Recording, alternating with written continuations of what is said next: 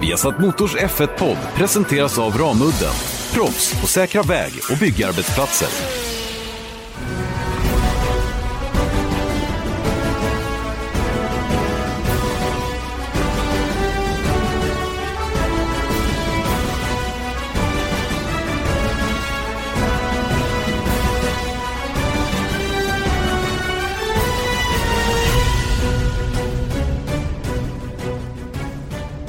Supervarmt välkomna till Viasat Motors Formel 1-podd. Janne Blomqvist, Erik Stenborg mitt i sommaruppehållet för Formel 1.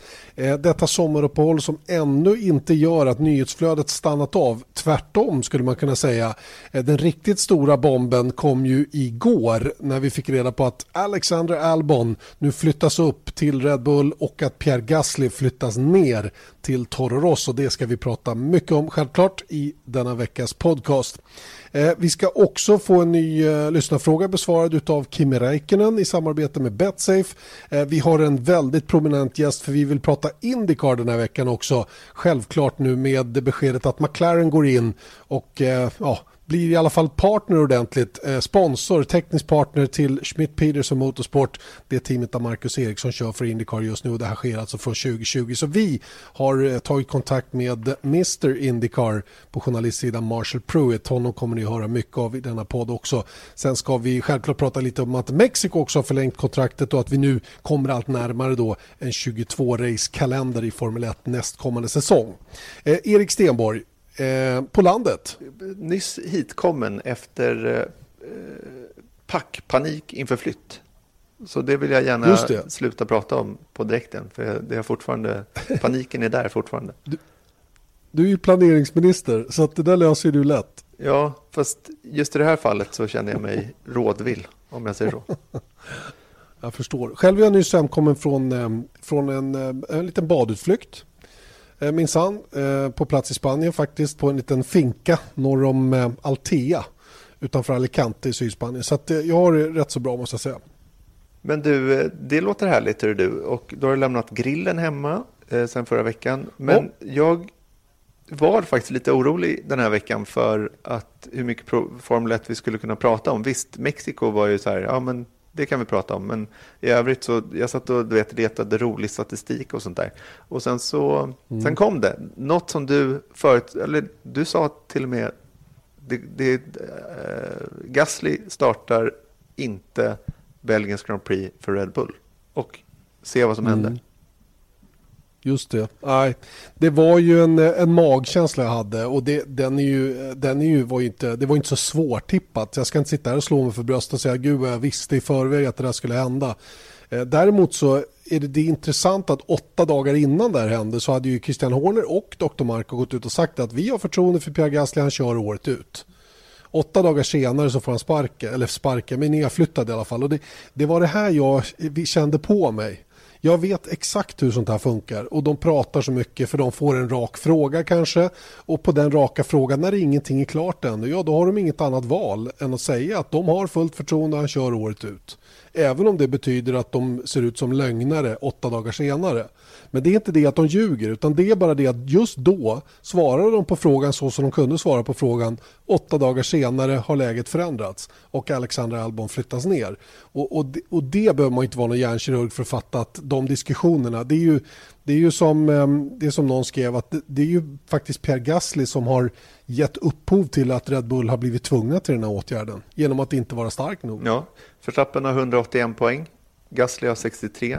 Verstappen har två segrar, fem pallplatser och en pole position från, från 12 GPs. Och eh, Gasly har eh, inte eh, kommit till mål bättre än fyra. Det är ju det är ju någonting som vi pratade om mycket förra veckan runt Gasly och att det här var imminent som man säger på engelska och eh, det var det sannerligen. och jag kan, jag kan köpa att man fick slut på tålamod men hur känner du runt att de gör så här igen för att det, här, det, det är ju andra gången som de gör det hugger av benen på någon så att säga mitt under säsongen. Ja, den stora frågan är, gör de det verkligen? Nej, men inte, inte men eller, du förstår vad jag eller... menar, att det är ändå så här. Ja, jag förstår vad du menar, men jag, jag, ställer frågan också på riktigt. Gör de verkligen det? För jag förstår ju att man tänker så. Det kanske är så att de snarare hjälper Pierre Gasly. att på något sätt hitta tillbaka till sig själv. Du vet att Red Bull har ju den unika möjligheten att kasta om lite grann. De kan ju faktiskt jobba på det här viset. Och nu kommer de ju ha två drivers i Toro Rosso som båda faktiskt har varit med om den här situationen. De har flyttats upp till Red Bull och flyttats ner tillbaka i Toro Rosso igen. Men de har inte blivit utslängda. Och det betyder ju att, att Red Bull på något sätt ändå har eh, vad ska jag kalla det, man ska inte säga att de har ehm, eh, förtroende för dem, va? men de tar hand om det sina på något sätt. Ja, va? förutom när Kviat eh, var helt ute ur bild, bilden ja, och var tredje för då, Ferrari. Då, självklart var det ju så, va? men jag är ganska övertygad om att Red Bull hade något finger med i spelet med att hjälpa honom vidare i karriären så att säga. Va? Så, så, och det är ju någonting som Helmut Mark har varit väldigt stolt över att säga. Deras juniorprogram må ju inte kanske mata upp Formel 1-förare var och varannan dag.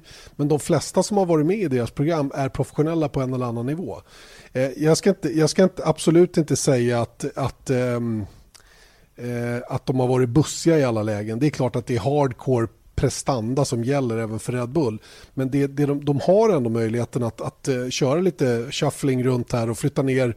Nu har de ju faktiskt möjlighet att flytta ner Pierre Gasly utan att sparka ut honom i Formel 1 så flyttar de ner honom i Toro Rosso och ger honom lite lugn och ro. Och så är det då Alex Albons tur att hamna i, i kitteln så att säga då, kokas, grillas över öppen låga och se vad han går för.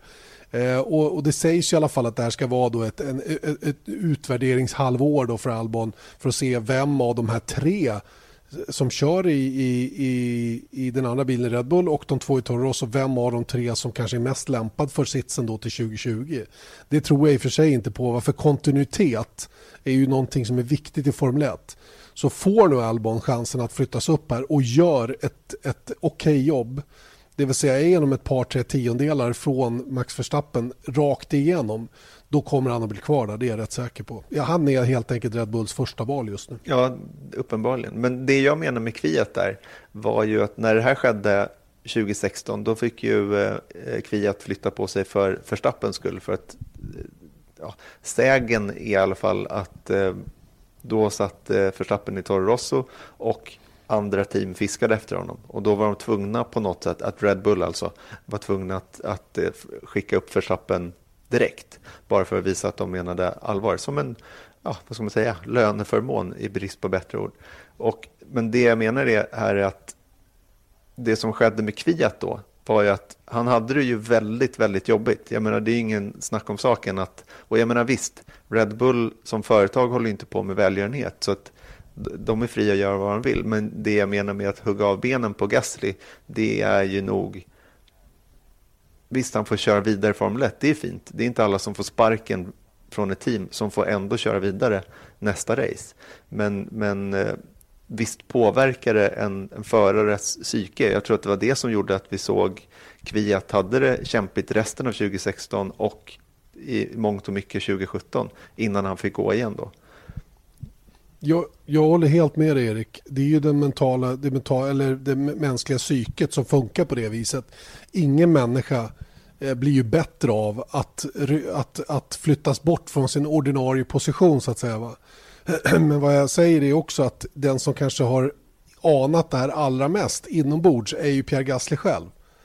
Ni kan ju tänka er själv, jag, du Erik och jag vet ju hur snacket går när man inte når upp till nivån hos sin teamkamrat och hur, hur, man, hur man liksom matas ner, man mals ner mentalt i det här surret som sker internt. Och man försöker hitta förklaringar till varför man inte hänger med och så kommer in efter ett pass och man 7-8 tiondelar efter igen. Man är varvad i racet, hur förklarar man det i likvärdigt mm. material? Mm. Eh, man blir varvad ytterligare en gång. Jag menar, Pierre Gasly har inte mått bra av det här och, och, det hade inte varit någon poäng med att låta honom köra vidare och ska de ha någon nytta av honom framöver då, må, då var de tvungna att ta bort honom ur Red Bull tror jag just nu för att liksom skaffa lite andrum i hans racingliv. Och, och visst känns det som att man slänger in Alex Albon till vargarna nu istället va. Eh, och, och, han fick ju faktiskt en fråga av oss i Budapest om han själv tyckte att han var redo för det här och var väl lite svävande på målet va? och tyckte kanske inte att han var det ännu men var ju självklart beredd att ta jobbet om frågan kom. Mm. Det tror jag ingen förare hade tackat nej till om Marco säger du kommer att köra för Red Bull mm. Nej tack, jag känner inte att jag är redo riktigt. Jag stannar nog kvar i Toro Rosso. Det, det är liksom det händer inte. Men det är ju det som jag tyckte var väldigt intressant. Just med, och det var därför det blev lite av en chock för mig när jag såg pressreleasen som kom ut. var just att, vänta, han sa, han, det är ovanligt liksom att en, att en förare är så ärlig i att säga, nej, jag känner mig inte redo just nu att axla rollen som förare i, i stora Red Bull Racing, forna världsmästaren och allt, allt det där. Så dels tyckte jag det var härligt att höra av Albon, men sen så när det där kom, då bara wow, att han ändå har sagt det utåt, det kan ju inte varit speciellt bra. Men då tänker jag ett till varv på det, att ingen har ju nästan, jag skulle säga så här, ingen har mindre press i Formel 1 än Alexander Albon. Åtminstone Belgien, Monza och kanske några race till. Tror du verkligen ja, men Jag det? tror att liksom, folk kommer att ha överseende med det. Killen är rookie. Ja, folk jo, men, jo, men jag folk, tror Red Bull folk, kommer också ha det. Så länge han inte är liksom två och en halv sekund, en och en halv sekund bakom Verstappen i Singapore, mm. då, då kommer det vara kämpigt. Men om man tänker på, jag menar Red Bull är inte dumma i huvudet heller, så de, på något sätt måste de ju förstå vad de jobbar med nu i Alexander Albon. Killen hade inte kört en Formel 1-bil innan försäsongstesterna i år. Och han, han var ju väldigt ärlig i den intervjun som Rickard gjorde eh, i Budapest också och säga att det var väldigt, väldigt jobbigt i början att, att bara förstå allting. Och även nu, efter en halv säsong har gått, så är det så här varje gång under helgen så tänker han alltså, jäklar, jag, jag önskar att jag, att jag visste det där innan helgen. Så att jag menar, det är klart att när ärligheten på något sätt tror jag kan hjälpa honom i det. Mm. Ja, vi hoppas det. De är, det är tuffingar de som kör Formel 1 rent generellt. Alla vet att det här är en high tank. Det är en high tank på riktigt. Det finns ingen som, som, som man går över lik verkligen. Va? Och är det så att man inte håller måttet då slängs man. Det finns inget broderskap eller, eller vad ska jag kalla det, att någon går runt och tänker på den andra. Eh, utan det, det, är helt enkelt in, gör ditt bästa, se hur långt det räcker eh, whatever it takes på något sätt. Va? Och, eh, och då, då, är ju uppgiften att ställas mot en Max Verstappen som har hela teamet bakom sig, ger teamet Honda deras första vinster, bla bla bla. Han är ju eh, en tuff nöt att knäcka. Va? Så jag tror att det Albon måste komma in i snabbt det är att han har en supportroll här. Hans jobb är att vara så nära, inte slå Max Verstappen, men så nära som möjligt.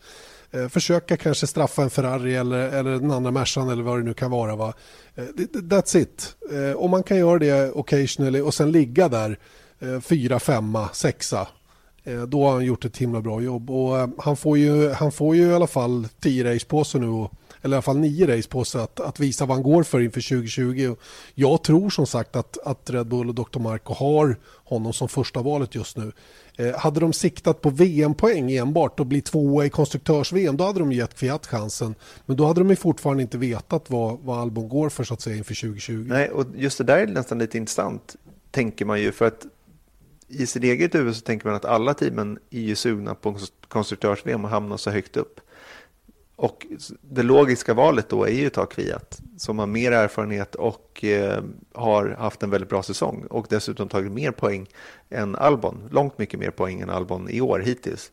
Men det är ganska tydligt tycker jag att där uppe i toppen är det inte så himla viktigt om man hamnar två eller trea i konstruktörs-VM då de har gott om pengar de, ändå gissar jag. Exakt, de behöver inte fylla budgeten med en andra plats snarare än en tredje. Det är väl mer en fjäder i hatten och slå Ferrari och, och viktigt rent allmänt. För den vinnarinstinkten måste ju också finnas i Red Bull för att, för att man ska kunna ta sig framåt.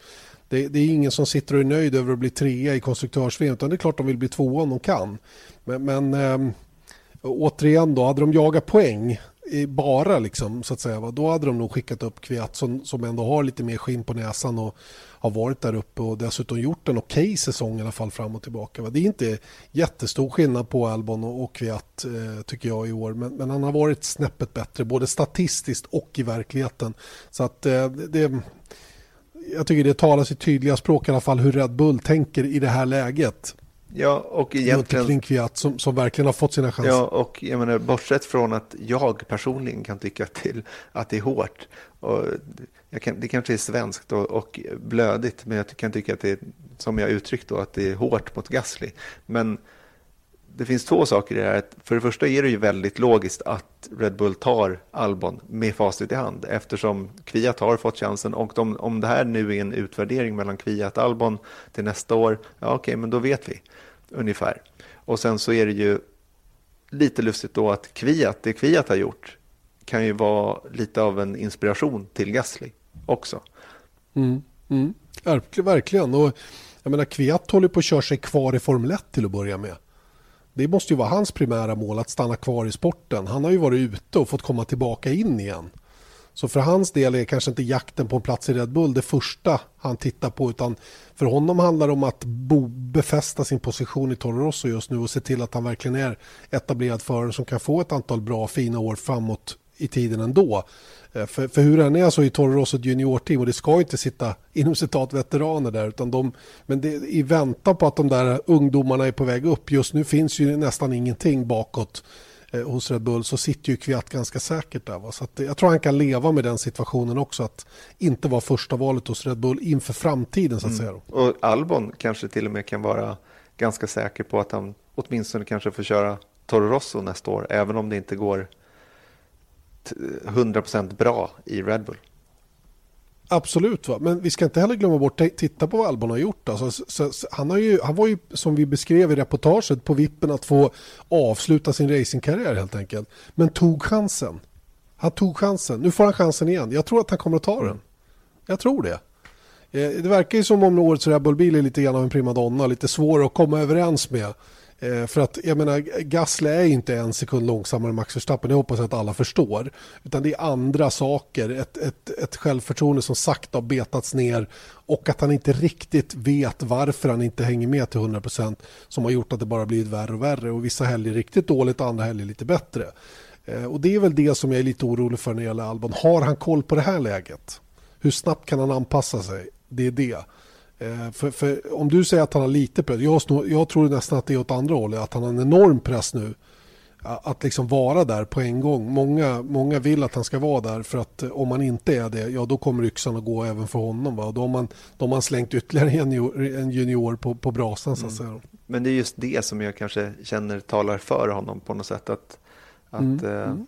man mördar inte två samma, samma säsong, tror jag. du känner inte Dr. Marco Nej, det gör jag sannerligen inte. Inte, inte jag, jag heller. tror inte att, inte jag heller. att vi skulle komma så himla bra överens. Tror jag. Jo då. Nej, jag... det är självklart. Ja, kanske. Över ett par snapsar, över ett par snapsar så ordnar sig allting. Det är det, jag gillar inte snaps. Det är det. Nej, men det löser vi. Jag vet hur det blir när du dricker för mycket snaps. Ja, du, det vet du faktiskt. Hör du, jag vill bara lägga till en sak till här som jag tycker är rolig i sammanhanget. Valtteri Bottas eh, ser det ju mindre och mindre sannolikt ut att få stanna kvar hos Mercedes om jag ska vara riktigt mm, ärlig. Ja, men det känns som att det, eh, det, det snackas ja, om det. Liksom. Det, det, det pratas mer och mer om B-planer och C-planer. Jag tror vi var inne på det redan förra veckan. Och han uttrycktes också, tycker jag, lite intressant på det här temat. Att han menar på att jag mår inte bra av för mycket press. Andra förare de blir bättre när de har hård press på sig. Jag är inte riktigt så. För mig är det tvärtom, säger mm. han. Mer eller mm. mindre. Och det är också kul att, att, att höra ärligt från en förare. Jag vill inte ha det. Jag vill inte stå med yxan över huvudet. Det, jag kör inget bättre då. Fatta, håll er undan. Låt mig få vara i fred och låt mig få köra så ska ni se att det här ordnar sig. Men ju mer press det har blivit på Valtteri Bottas att behöva göra resultat, hur bra har det gått? Mm. I början hade han ingen press. I början kunde han bara gå all in och tänka att nu är det nya Valtteri Bottas, nu går jag in och så kör jag skiten ur Lewis Hamilton. Vilket han klarade i Australien inte minst och sen vid något tillfälle till åtminstone var riktigt, riktigt stark. Sen har det gradvis bara trappats av och det hänger nog ihop med att pressen har blivit allt hårdare på honom. Kanske till och med vet vad han behöver göra för att teamet ska välja honom här nu i augusti. Och, och, det där är ju intressant tycker jag hur förare reagerar på olika situationer i, i karriären då, och hur, hur man ska hantera just den här pressen och hur viktigt det är faktiskt att jobba med någon som hjälper en att ta hand om det enorma trycket utifrån om att verkligen vara så snabb, att hitta de här två tiondelar, en till två tiondelar. För det är inte mer vi pratar om. Nej, vilket var faktiskt också någonting som Albon sa i den där intervjun att, att det är inte speciellt, mm. det är inte jättesvårt att köra en F1-bil fram tills man ska hitta de där sista två tiondelarna. Och det som är jobbigt är, eller det som är svårt, det är att jobba med teamet. att få dem mm. att gå åt rätt håll, som man själv vill ha det. Visst, visst sjutton är det så. Eh, du Erik, vi byter ämne för nu tycker jag vi är klara med den här grejen. Och apropå teamkamrater så har vi en ny, en ny lyssnarfråga i samarbete med Betsafe och, och svara, eller få besvarad snarare. Ja, med Kimi Räikkönen. Och eh, man kunde ju skicka in då frågor till vår Facebook-sida som vi skickade vidare till Kimi Räikkönen. Och den här veckan har vi valt ut Pontus Liljereds, vänta, dålig syn, Liljered. Han frågar, vem har Kimi tyckt eh, varit roligast att tävla mot genom sin karriär i Formel 1? Och lite sådär klassiskt politiskt F1-förarmaner så svarar Kim Räikkönen på frågan, men inte exakt direkt så som du ställde den Pontus, utan han väljer att istället prata om sina teamkamrater. They're all different in a way and um, some are a bit more straightforward than others but um, I always had a good uh, with Seb obviously we, we know each other from from before we started to work in the same team, so we always had a very good uh, friendship, and it always stayed the same. We were working together, but um, I think with with um, I think with all of them, they are slightly different. I think with Coldheart, I had always a very good, let's say, working working way, and it's always very nice guy. So. But you know, I, I, don't have anything bad about any of them. They're just all different. So I, I happen to have quite a few over the years. So. Kimi Räikkönen där alltså. Och eh, Pontus, stort tack för din fråga. Eh, sånt här går ju inte obemärkt förbi så det kommer självklart en eh, Alfa Romeo Cabba hem i brevlådan till dig då och vi tar kontakt med dig eh, med dig då via Facebook för att få adressuppgifter och sådana saker. Så att eh, det, blir, det blir toppen på alla de sätt och vis. Ja, ska vi prata lite Mexiko? Mexiko, mycket bra idé att eh, prata om. Mexikos Grand Prix som var ett litet frågetecken inför 2020 på kalendern men det är inget frågetecken längre, det är ett utropstecken och de är mycket glada att eh, presentera då ett kontrakt som gäller då fram till åtminstone 2022, det vill säga tre säsonger till då, 20, 21 och 22. Eh, och det gör ju då att vi eh, kommer allt närmare det vi pratade om förra veckan och det ska vi inte dra någon långbänk om nu Erik för det är bara att gå tillbaka till förra veckans podd och lyssna till vad Dieter Enken sa där angående en 22-race-kalender. En rekordlång kalender alltså på 22 race under förutsättning då att, att eh, Spaniens Grand Prix blir av då nästa år, vilket mycket pekar mot i alla fall. Och eh, det, där är ju, eh, det där är ju någonting som kommer att bli slitsamt och som kommer att få återverkningar på många sätt. Eh, en 22-race-kalender. Men, men om vi landar bara i Mexiko då, att det blir kvar, vad tycker du om det? Jättekul tycker jag. Jag, vi, jag var där eh, tillsammans med dig på första gången de körde där. Jag kommer inte ens ihåg året. När var det? 2016, 17? Någonting. Eller var det fem, fem, 15 eller 16 ja. var det första året. 16, 17, 18. Kört det tre gånger, det har de ja. gjort. Så 16 då? Det, det, spelar nästan ingen roll. Utan, men det är som Inte ett tugg. lasting memory i min eh, racing-erfarenhets bank kan man kalla det. Eh, I varje fall besöka biltävlingen. Det var faktiskt stort för att jag gick ut där den där lilla baseballarenan där sista sektorn under drivers eh, förarparaden och ljudet där inne var ju Maracana fotbolls-VM typ. Om de nu spelar fotbolls-VM mm. där. Men det var något som jag aldrig tidigare hört under ett eh, Formel 1-lopp i alla fall. Och jag minns att jag mötte Marcus Eriksson när han hoppade eh, av sin bil som han åkte runt i förarparaden. Han bara, och han såg nästan skakig ut. Han bara, såg du det där? Uh, och det, det är bra stämning där i Mexiko. Mm, verkligen.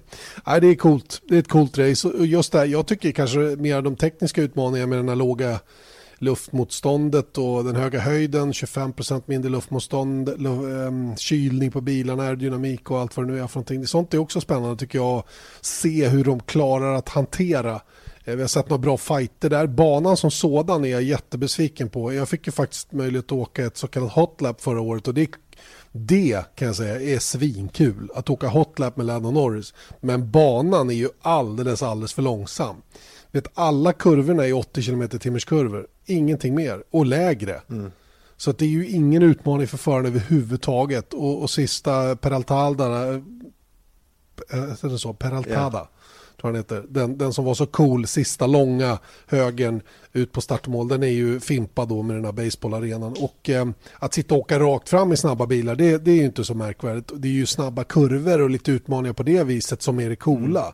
Den här banan blir ju bara rakt fram i 350-60 km h tvärnit ner till 80 Sen en vinkel, en vinkel igen, en vinkel igen, vinkel igen och inte mer än kanske drygt 100 km i timmen. Och så ut på nästa snabba parti, hård broms in och så låg fart genom baseballarenan och sen då en, en gradvis ökning av farten ut på startmål. Så bansträckningen tycker jag inte är något speciellt imponerande men det är en cool stämning i Mexiko. Det är klart att det ska vara, det ska vara ett race i Mexico City. Det är totalt jävla inferno alltid när man är där. Trafiken är fullständigt eh, häpnadsväckande.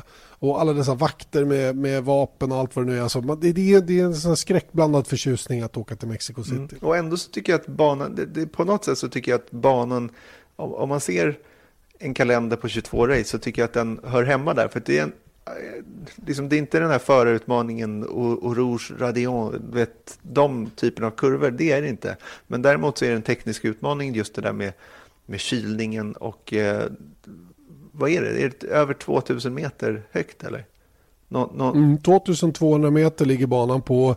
Det gör ju då att, att luften är mycket, mycket tunnare eh, och inte lika hög densitet gör ju att kylningen påverkas enormt. Eh, men framförallt går ju bilarna 25% lättare genom luften vilket betyder att de åker med Monaco downforce mm. egentligen. Mm. Eh, och ändå 350-60 i slutet på långa rakan eller 345 kanske, inte jag vad det blir. Men men något åt det hållet i alla fall. Va? Och det, är, det är lite kul att se. Bilarna verkligen full full där eller downforce och ändå vansinnigt snabba ja. rakt fram. Och, och ett jätteproblem att hålla kylningen på ett bromsar motorer under kontroll. Ja, och svårt att hålla temperdäck är det också. Ja, det är ingen traction. en sån sak också. Så är det. Så är det. Så att det, det är lite det, det, är intressant tycker jag med Mexikos Grand mm. Prix. Mm. Och sen så är det ju ytterligare liksom steg framåt enligt Chase Carey, alltså han som är, driver Formel 1 och Liberty Media, eh, runt ytterligare race i eh, Miami. Och nu pratar de inte bara om Miami, det finns ju banskisser och sånt där. Förut så gick det ju den banskissen som de hade på förslag längs vattnet där. Och nu har de flyttat mm. den runt Hard Rock eh, Football Stadium där Miami Dolphins spelar sina matcher. Där de även har Masters 1000-tävlingen i tennis. Jag är tennisfan. Jaha, där ser man. Du är tennisfreak. Ja. Jag, jag trodde det var helt stek med Miami, men det är klart att ett Miami-race piggar ju mm, upp. Det är kul att åka till Miami, men sen så har de också börjat nämna Las Vegas nu. Ja, du ser. Du ser. Vi glider mer och mer mot USA här. Gör vi inte det? Jo, det gör vi ju. Det finns ju en anledning till det. Vi ska nämligen prata med Indycar en liten stund för det kommer ju stora besked angående Indycar nästa år eh, med att McLaren går ihop med Schmidt Peterson Motorsport och eh, ja, går in fulltid i, i Indycar från och med nästkommande säsong. Eh, åtminstone som teknisk partner och som sponsor till Schmidt Peterson Motorsport. Eh, det här gjorde ju att man naturligtvis blir nyfiken på vad det här betyder, eller hur Erik? Och då, um, vi, vi gillar inte så googla runt och läsa läsa saker, utan vi vill ju snacka med folk. Så då tog vi kontakt med eh, Marshall Pruitt som är, ja, vad ska man säga, han är ju kanske den mest Mr Indycar. Ja, och välkänd eh, Indycar-journalist och amerikansk racing-journalist, för han håller på med IMSA också väldigt mycket. En trevlig kille, före detta mekaniker, teamägare, Eh, han har en lång karriär inom motorsport bakom sig innan han då sadlade om och blev journalist och startade sin egen podcast som heter Marshall Pruitt Podcast som har lärt mig det mesta jag kan om Indycar. Det är lite så våran podcast har lärt dig om Formel 1 då. Precis. Du har lärt mig. Genom, jag har bara suttit där och lyssnat ett tag och sen så kunde jag vara med. Nej, tvärtom. Du lär ut alla dina storheter till alla som lyssnar.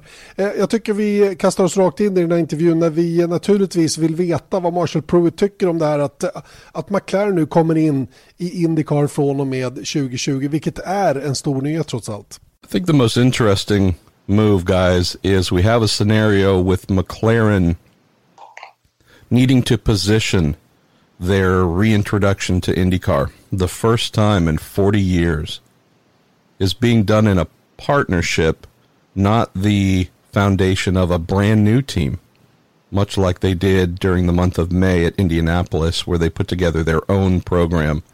Very interesting to see that for McLaren Racing to return to IndyCar, it's needing to be done not through ownership, not through buying another team and overlaying its blueprint, and not from purchasing, say, half of a team.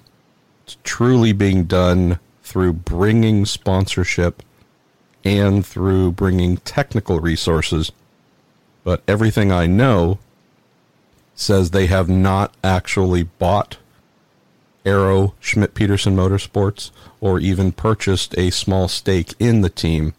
And I believe the interesting fact for that is coming off of a very embarrassing month of May where they did not qualify, where they presented themselves as a large and powerful team and yet was defeated by the smallest, least powerful teams, did not make the show. I don't believe McLaren's board of directors really have the desire to see purchasing or starting something brand new with the full McLaren name on it as the first reaction, the first big action afterwards. So that I think is fascinating. We'll partner, we'll bring sponsorship, but we're not going to actually buy. Could that change in the next year or two? Could this simply be Arrow McLaren racing in the next year or two? If things go well, I think it could. You mentioned the technical partnership, and as we could see from the month of May, uh, just as one example, is that IndyCar isn't very easy to to just show up and, and do well in. But what could I mean, McLaren is a Formula One team, of course, but what could they bring over, do you think, from uh, McLaren F1 team to IndyCar? I think it's a mindset. I think it's also access to the kinds of technologies and resources that are unfamiliar to many IndyCar teams, not all. If we think of Chip Ganassi Racing, which has its own seven post shaker rig, for example, and Team Penske, which has the same. These are lavish expenses, at least in IndyCar, that only the top teams can afford. There are some, just a handful of teams, frankly, the teams that Arrow Schmidt Peterson Motorsports has wanted to join among the elite in IndyCar, that they have not been able to and it's in some cases it's lacking the physical resources, the engineering depth with machinery, also with people. I've heard, I still have to confirm it this morning, but I've heard that they have released their technical director. And so that would be the first of the big dominoes to fall in this restructuring of the team. I would say this is the biggest area McLaren will be concentrating on as they come together as Arrow McLaren SP, not so much the how do you bolt a wheel onto the car? How do you adjust the wing angle? I think the biggest influence is going to be personnel on the engineering side, methodologies on the engineering side, and then the expenditure on the off season and also ongoing in season research and development efforts uh, that goes into every one of these chassis from every team. So I would say it's the heightened experience. You know, there's some things in Formula One that, as you know, compared to IndyCar, is like alien technology. it's like it's from outer hmm. space. Uh, only folks playing with hundreds of millions of dollars per year for a budget would have the ability to work in those realms.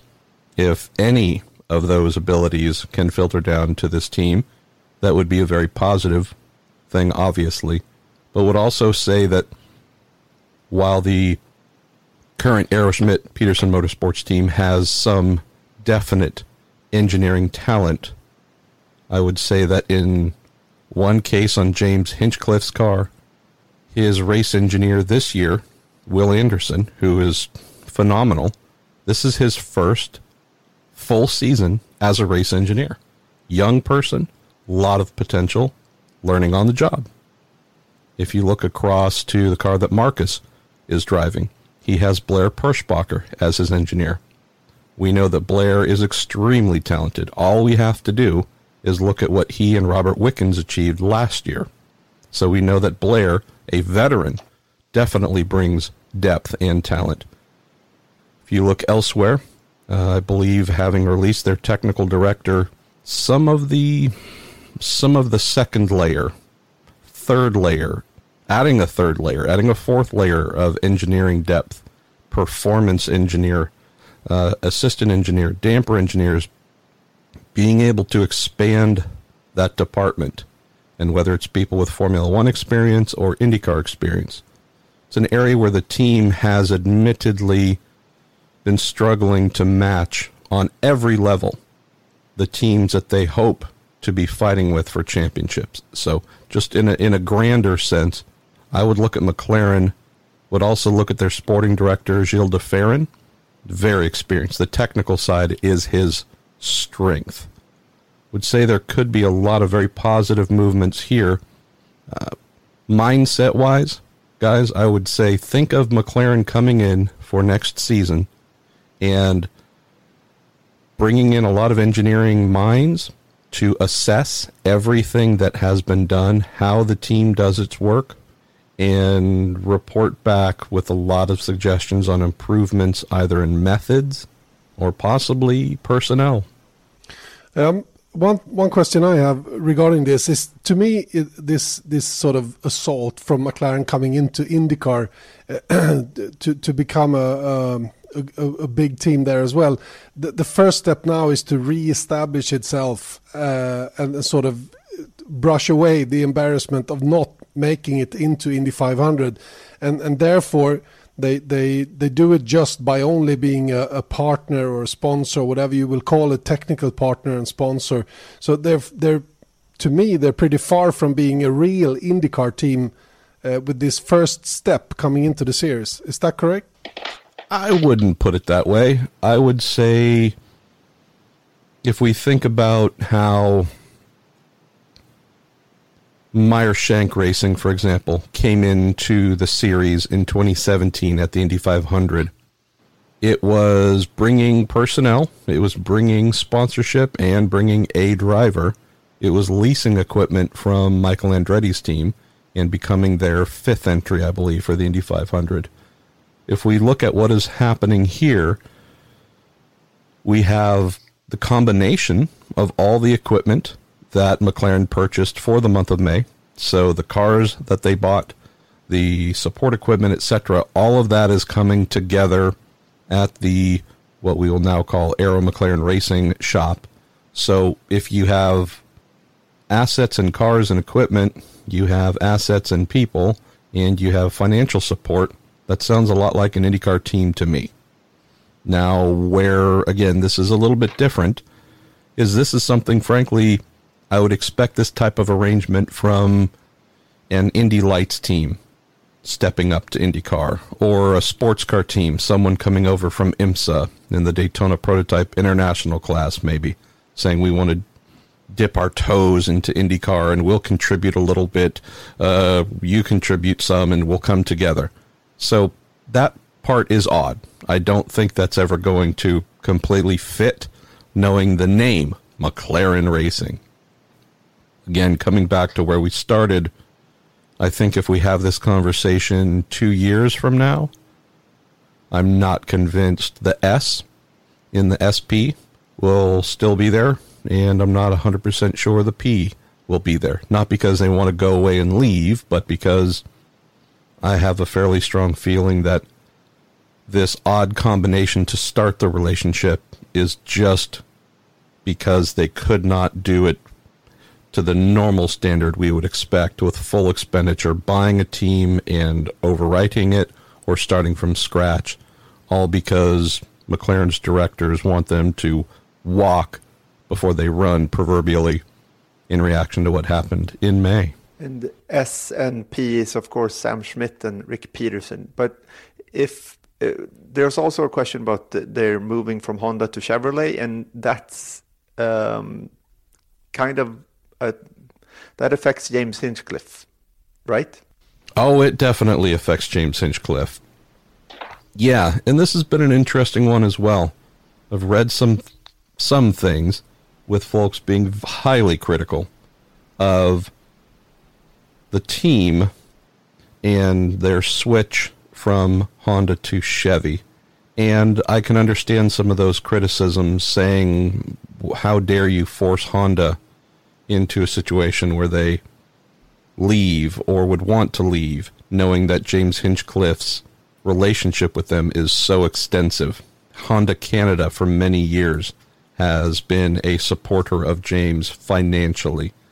He also, within the last year or two here in the United States, has become a television presenter for Honda, doing uh, advertisements on television for them, national advertisements as well, not just regional. So we have a case where James Hinchcliffe's career, since he came to the Schmidt Peterson team in 2015, I believe, has been tied very heavily to Honda. We know that because of the ugly divorce and words said prior to the divorce in Formula One between McLaren and Honda, that being Honda Japan, mind you, not Honda America, that Honda has said, we will not work with you ever again. That there are some very serious grudges being held in Japan. Well, what we do have here is a need for McLaren to work with Chevy because they cannot receive engines from Honda the team that they've chosen to work with and the team that has chosen to work with them has agreed to work with them, asked Honda to provide engines, and they, as expected, declined, would just say that that is a choice made by Honda. That is not a choice made by the team. I firmly believe if Honda had said yes, everyone at McLaren and Aero SPM would be extremely happy right now especially a certain James Hinchcliffe. So Honda's choice to not supply them has indeed created a very odd scenario. So if we look at what James has said in uh, on his social media accounts, he has said that he plans to return next year, therefore severing those Honda ties. Very important to note, though, guys, the team has not said he is returning next year. So we are waiting to hear that. It that was not included in the press release announcing this formation. There's nothing indicating any driver, James or Marcus. And I would say that James being a very smart and classy person, what he posted on social media, I would rate that as positioning himself, giving Honda a message, sending Honda a note if you want to support me, then this is going to be the time. This is going to be the time to do it.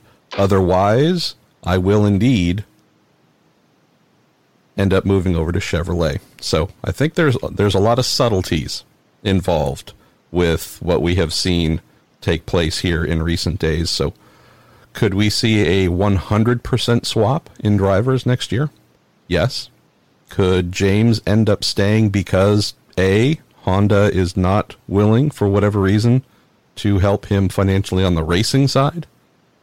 And the Aero McLaren SP program is indeed the best opportunity for him to continue his career, knowing that he has one more year left on his contract with the team. I think there might be something in there, guys. It's surprising, very surprising to think that with the addition of a new partner to the team, IndyCar's most popular driver could indeed be staring at very limited options for his immediate career. And and where does that put Marcus? Do you think in all this? Because from being from Sweden and this is a Swedish podcast, we want to know what you think is is, is viable for Marcus for for 2020. Uh, here's what I think. Here's a little bit of what I know, and here's something that bothers me a more than a little bit. So Marcus has clearly enjoyed and loved his experience in IndyCar. Not saying it's all been perfect, not saying he's loved every single thing, but although I just met him what, since he's come over here, he's just a, been very warm, light, you know, just there's a lot of positive energy coming from him on a regular basis. when I spoke with him, whatever it was, a couple months ago, saying, So, what do you think? Do you want to stay? He said, Yes, I do. I've asked my manager to start talks with the team about staying. And I thought, fantastic. This will be an easy thing for them to conclude. Did not hear that immediate yes, and we want you to stay that I had hoped would be coming from the Aero SPM program. And I don't believe it's anything truly negative towards Marcus. What I've gone back and, and just compared notes with uh, colleagues of mine, we first started hearing about McLaren talking with teams, really trying to look at their options for next year back in April. And I'm not saying that's when it started, just saying that's when we first heard of it behind the scenes. So I think the possibilities of what could 2020 look like in this partnership that has now been announced. I think for a while now there has been a plan to replace at least one driver. And if we think of the two within the team, you have the one veteran who's the face of the team, you have the one driver who is new to them. I think the moment McLaren started speaking with Aero SPM seriously about doing something is the moment that Marcus became expendable. And barring going on an epic winning streak here from Pocono to Gateway to Portland to Monterey, I think Marcus might be in a tough position to hold his current spot. I do believe, though, guys, that there is enough interest in him elsewhere in the paddock that he should not have too tough of a time finding a new home. I would also say that if this team were staying as it is, no McLaren, no anything, just continuing on, same structurally for 2020, I honestly don't believe there would be a change. I believe Marcus would be signed already, would have a contract in hand. But since there is this change going on and there's a very powerful and influential new partner coming in, I actually think it's best for Marcus to find a new home elsewhere because anytime you have a team undergoing major structural changes, philosophical changes, how do we compete? How do just they're having to rediscover themselves. That's never an easy thing in the first year. And knowing that Marcus has learned a lot this year hasn't been great for him, but has learned a lot. Provided he still wants to come back, I would say next year looks like one of those years where he should seriously capitalize on all he's learned and come back and be much more effective and competitive at every round. So I think he will be in a different place mentally as an athlete where he would actually be mismatched. If he, if they were to sign him today, I would actually not feel very good about that because I don't think they will be in the right place for him next year to offer him what he needs. So, could that be a Bobby Rahal? I spoke with Bobby Rahal last week, and he had some very positive things to say about Marcus. Could that be a Dale Coyne Racing? The idea of Sebastian Bourdais and Marcus Ericsson? I really like that idea. Could that be something at Ed Carpenter Racing? I think there could be something there as well. Could there be something at Harding Steinbrenner Racing? That team may or may not have asked me for Marcus's phone number a couple of weeks ago, and I may or may not have provided it. Um, I, I don't think Marcus will lack for options. Would just close here on the topic by saying it's not as if he or his manage, manager would take things in a slow manner, but they would be wise to execute whatever they feel is the best deal for him as quickly as possible because we're going to have a lot of drivers trying to fill the, the limited number of seats I just mentioned, more than are currently in the series. We have Oliver Askew, who looks like he's about to win the Indy Lights Championship. Rinus VK from Holland looks like he's coming uh, up as well. Two young monsters there looking for seats. We have others within the paddock who could be moving around. Who knows?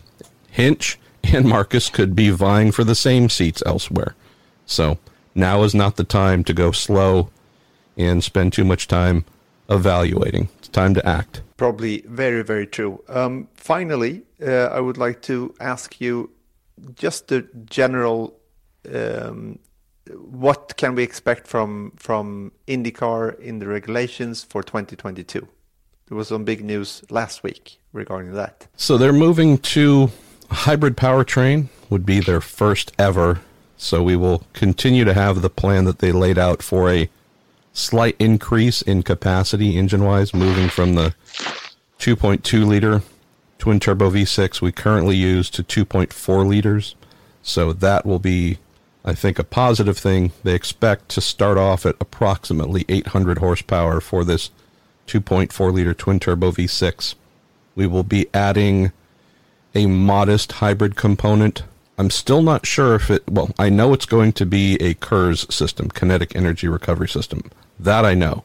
What I don't know is whether it is going to be battery based, whether it could be mechanical, uh, where they're looking to place and use it is rather interesting. Uh, they're planning on placing the unit within the bell housing to connect directly to the drive shaft to work the flywheel as a starter, an onboard starter as well.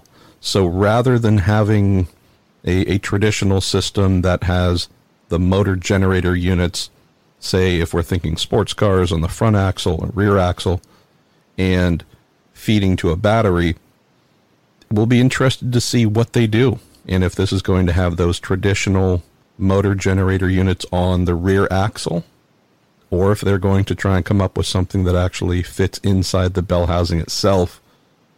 To be a very unique location. And that's why I'm not 100% sure whether they could be thinking mechanical or electric. So don't know what it's going to be yet, but they expect it to be approximately 50 horsepower worth of a boost, and that's how they're going to use it. When the drivers activate the push to pass, which currently provides an extra 40 to 50 turbocharger turbocharger based horsepower, extra uh, boost through the turbos, they're planning on this system also now adding the approximately 50 horsepower that has been charged into the KERS unit delivering roughly 100 horsepower upon activation of the push to pass button. So that part should be rather interesting, but we have plenty to go to find out who's making it, how much it costs, where it's going to be located, what style it is, etc., etc. So thankfully that story has not been written. Otherwise, I wouldn't have a lot to do over the next couple of years. Marshall Pruitt där alltså. Intressanta tankegångar tycker jag från honom när det gäller eh, det här. Eh, dels med McLaren givetvis och vad det här får för implikationer på teamet eh, och för förarna. Och det var så skönt, det var vissa saker som jag själv hade tyckt och tänkt och så bara bekräfta honom på något mm. sätt. Jag tänker framförallt på det här James Hinchcliffe-uttalandet att det är, ja men han kör vidare. Eh, men, men att eh, enligt Pruitt då, så låt, är det ju mer ett statement till Honda att okej okay, det är dags nu att visa en support. Mm. Mm. Typ. För jag tänker inte köra med en Chevrolet-motor. Och, och det, är ju, eh, det är ju faktiskt lite spännande att se vad, vad som kommer att hända där. Han har ju ett kontrakt. Absolut. Men frågan är om man får behålla det kontraktet och vad som gäller med det här kontraktet när man nu byter från Honda till Chevrolet-motor. Eh, det är ju det är en annan ja. grej. Och sen tycker jag att det var intressant, Erik, eh, bara förlåt att jag kör på här, men jag tyckte det var spännande det han pratade om Marcus, att han nästan implikerade att det är bättre för Marcus att gå därifrån mm. än att stanna mm. kvar, om nu den chansen finns. För det här är inget team som, som, eh, som vill bygga runt Marcus. Exakt, och, jag tror att han har eh, mycket rätt i det, för speciellt som det hade varit helt annorlunda om han hade kommit in lite mer som Robert Wickens kanske lyckades göra sin mm. rookie-säsong. Eh, att det är liksom svårt att få folk att titta bort, så att säga. Sen mm. så har ju Marcus haft bra eh, race såklart, men det har varit alldeles för mycket stolpe ut. Av massor av olika anledningar såklart. Just, inte minst av hans egen anledning, på, på, egna misstag. Va? Men, men, men grejen är att jag tror oavsett Eh, Marcus kom lite stolpe in kan man nästan säga i Indycar då, i slutet på förra året då, efter att ha fått besked om att han inte skulle få vara kvar i Formel 1. Och eh, det var lite snabba puckar då att komma in och SPM var ju det bästa alternativet och hela den, den saken då. Nu vet det 17 om det är det. Eh, det viktiga är också att komma ihåg att att McLaren inte går in nu och köper sig, eller snarare så här, de köper sig in i Formel 1, eller i mm. Indycar. Mm. de, de köper namnet och de köper, eh, köper sponsorship och de, eh, de betalar delvis då med teknisk kunskap. Ja. Av lite och olika egna saker. På, på en nivå... Ja, såklart. Va? Plus att de har de här två bilarna som man nämner också då som man försökte kvala in till Indy 500 med förra året. Alltså det finns ju folk där, det finns eh, grejer och det finns resurser som kommer in till eh, SPM då och sen faktiskt eh, spännande att höra vilket jag också känner att jag har trott att det här är liksom början till slutet för Sam Smith och Rick Peterson som teamägare. Att det här är liksom bara en, en start på någonting för McLaren. Och tanken är ju då att det här kanske ska vara en trestegsraket där de så småningom då en hel, en hel och full egen entry. Eller vad tror alltså, du? Jag, jag kan inte se någon annan väg. För att det här är liksom inte... Jag, jag tror att om man ska tjäna pengar på Indycar så måste man äga teamet på något sätt.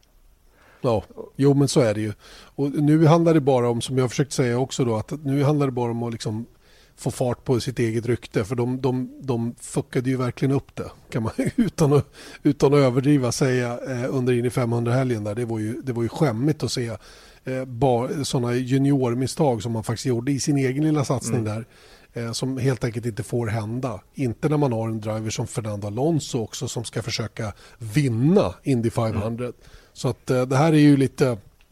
Nu är det lite balsam över alltihopa som kommer här och så får vi, får vi se vad de kan göra när de får ladda på ordentligt. Jag kommer så väl ihåg att när jag dels gick igenom de här shopparna som finns när man kan köpa merchandise på, på banan så stod det 50% off Alonso gear. Och sen så när vi gick igenom stan där så såg man Gildeferren gå runt, jag såg dem på gatan bara. Och sen så gick jag faktiskt bredvid Eje och då så står det en, en mm. orange eh, gat-McLaren parkerad utanför ett hotell. Han sa det där är den enda McLaren som är kvar i Indianapolis. ja, det är väl så. Eh, vad tror vi då? Eh, det verkar inte som om det är troligt att det är varken James eller Marcus sitter kvar i någon av bilarna. Så det blir en helt ny då line-up då möjligtvis nästa år. Och det fick vi väl ingen riktig klarhet i. Va? De jagar naturligtvis bästa möjliga. Mm. Eh, sen får vi se vad det är eh, inför nästkommande säsong. Absolut, och jag tror att ja, det, är, det är som eh, Marshall säger där också, att det, det, det är inte bara att välja och vraka, men samtidigt så tror jag att, att liksom locka med att det här kommer bli det här om två eller tre år. För att jag menar, det kan de ju gå ut till en förare som de vill haffa. Eh, det tror jag bör inte vara något jättestort problem för folk att få förare. Sen så kanske det här blir ett, ett mellanår nästa år, men fine. Det behöver inte, de behöver inte ha högre ambitioner än så. Och jag menar visst, SPM de har tagit pole position på Indy 500 tidigare och lyckas de bra där, ja men då, då är allting lugnt därefter. Ja, intressant där eh, vad som kommer att hända och ifall det blir en tredje bil då för Indy 500 då eftersom man nu har bilar så det räcker för, in, eh, för Fernando Alonso då att köra eh, Indy 500 igen då. Jag tror inte att han vill köra full säsong Indycar, eller det vill han inte. Det har han väl sagt rakt ut. Och det låter ju som att han mer eller mindre kollar på att köra Paris-Dakar istället för Toyota.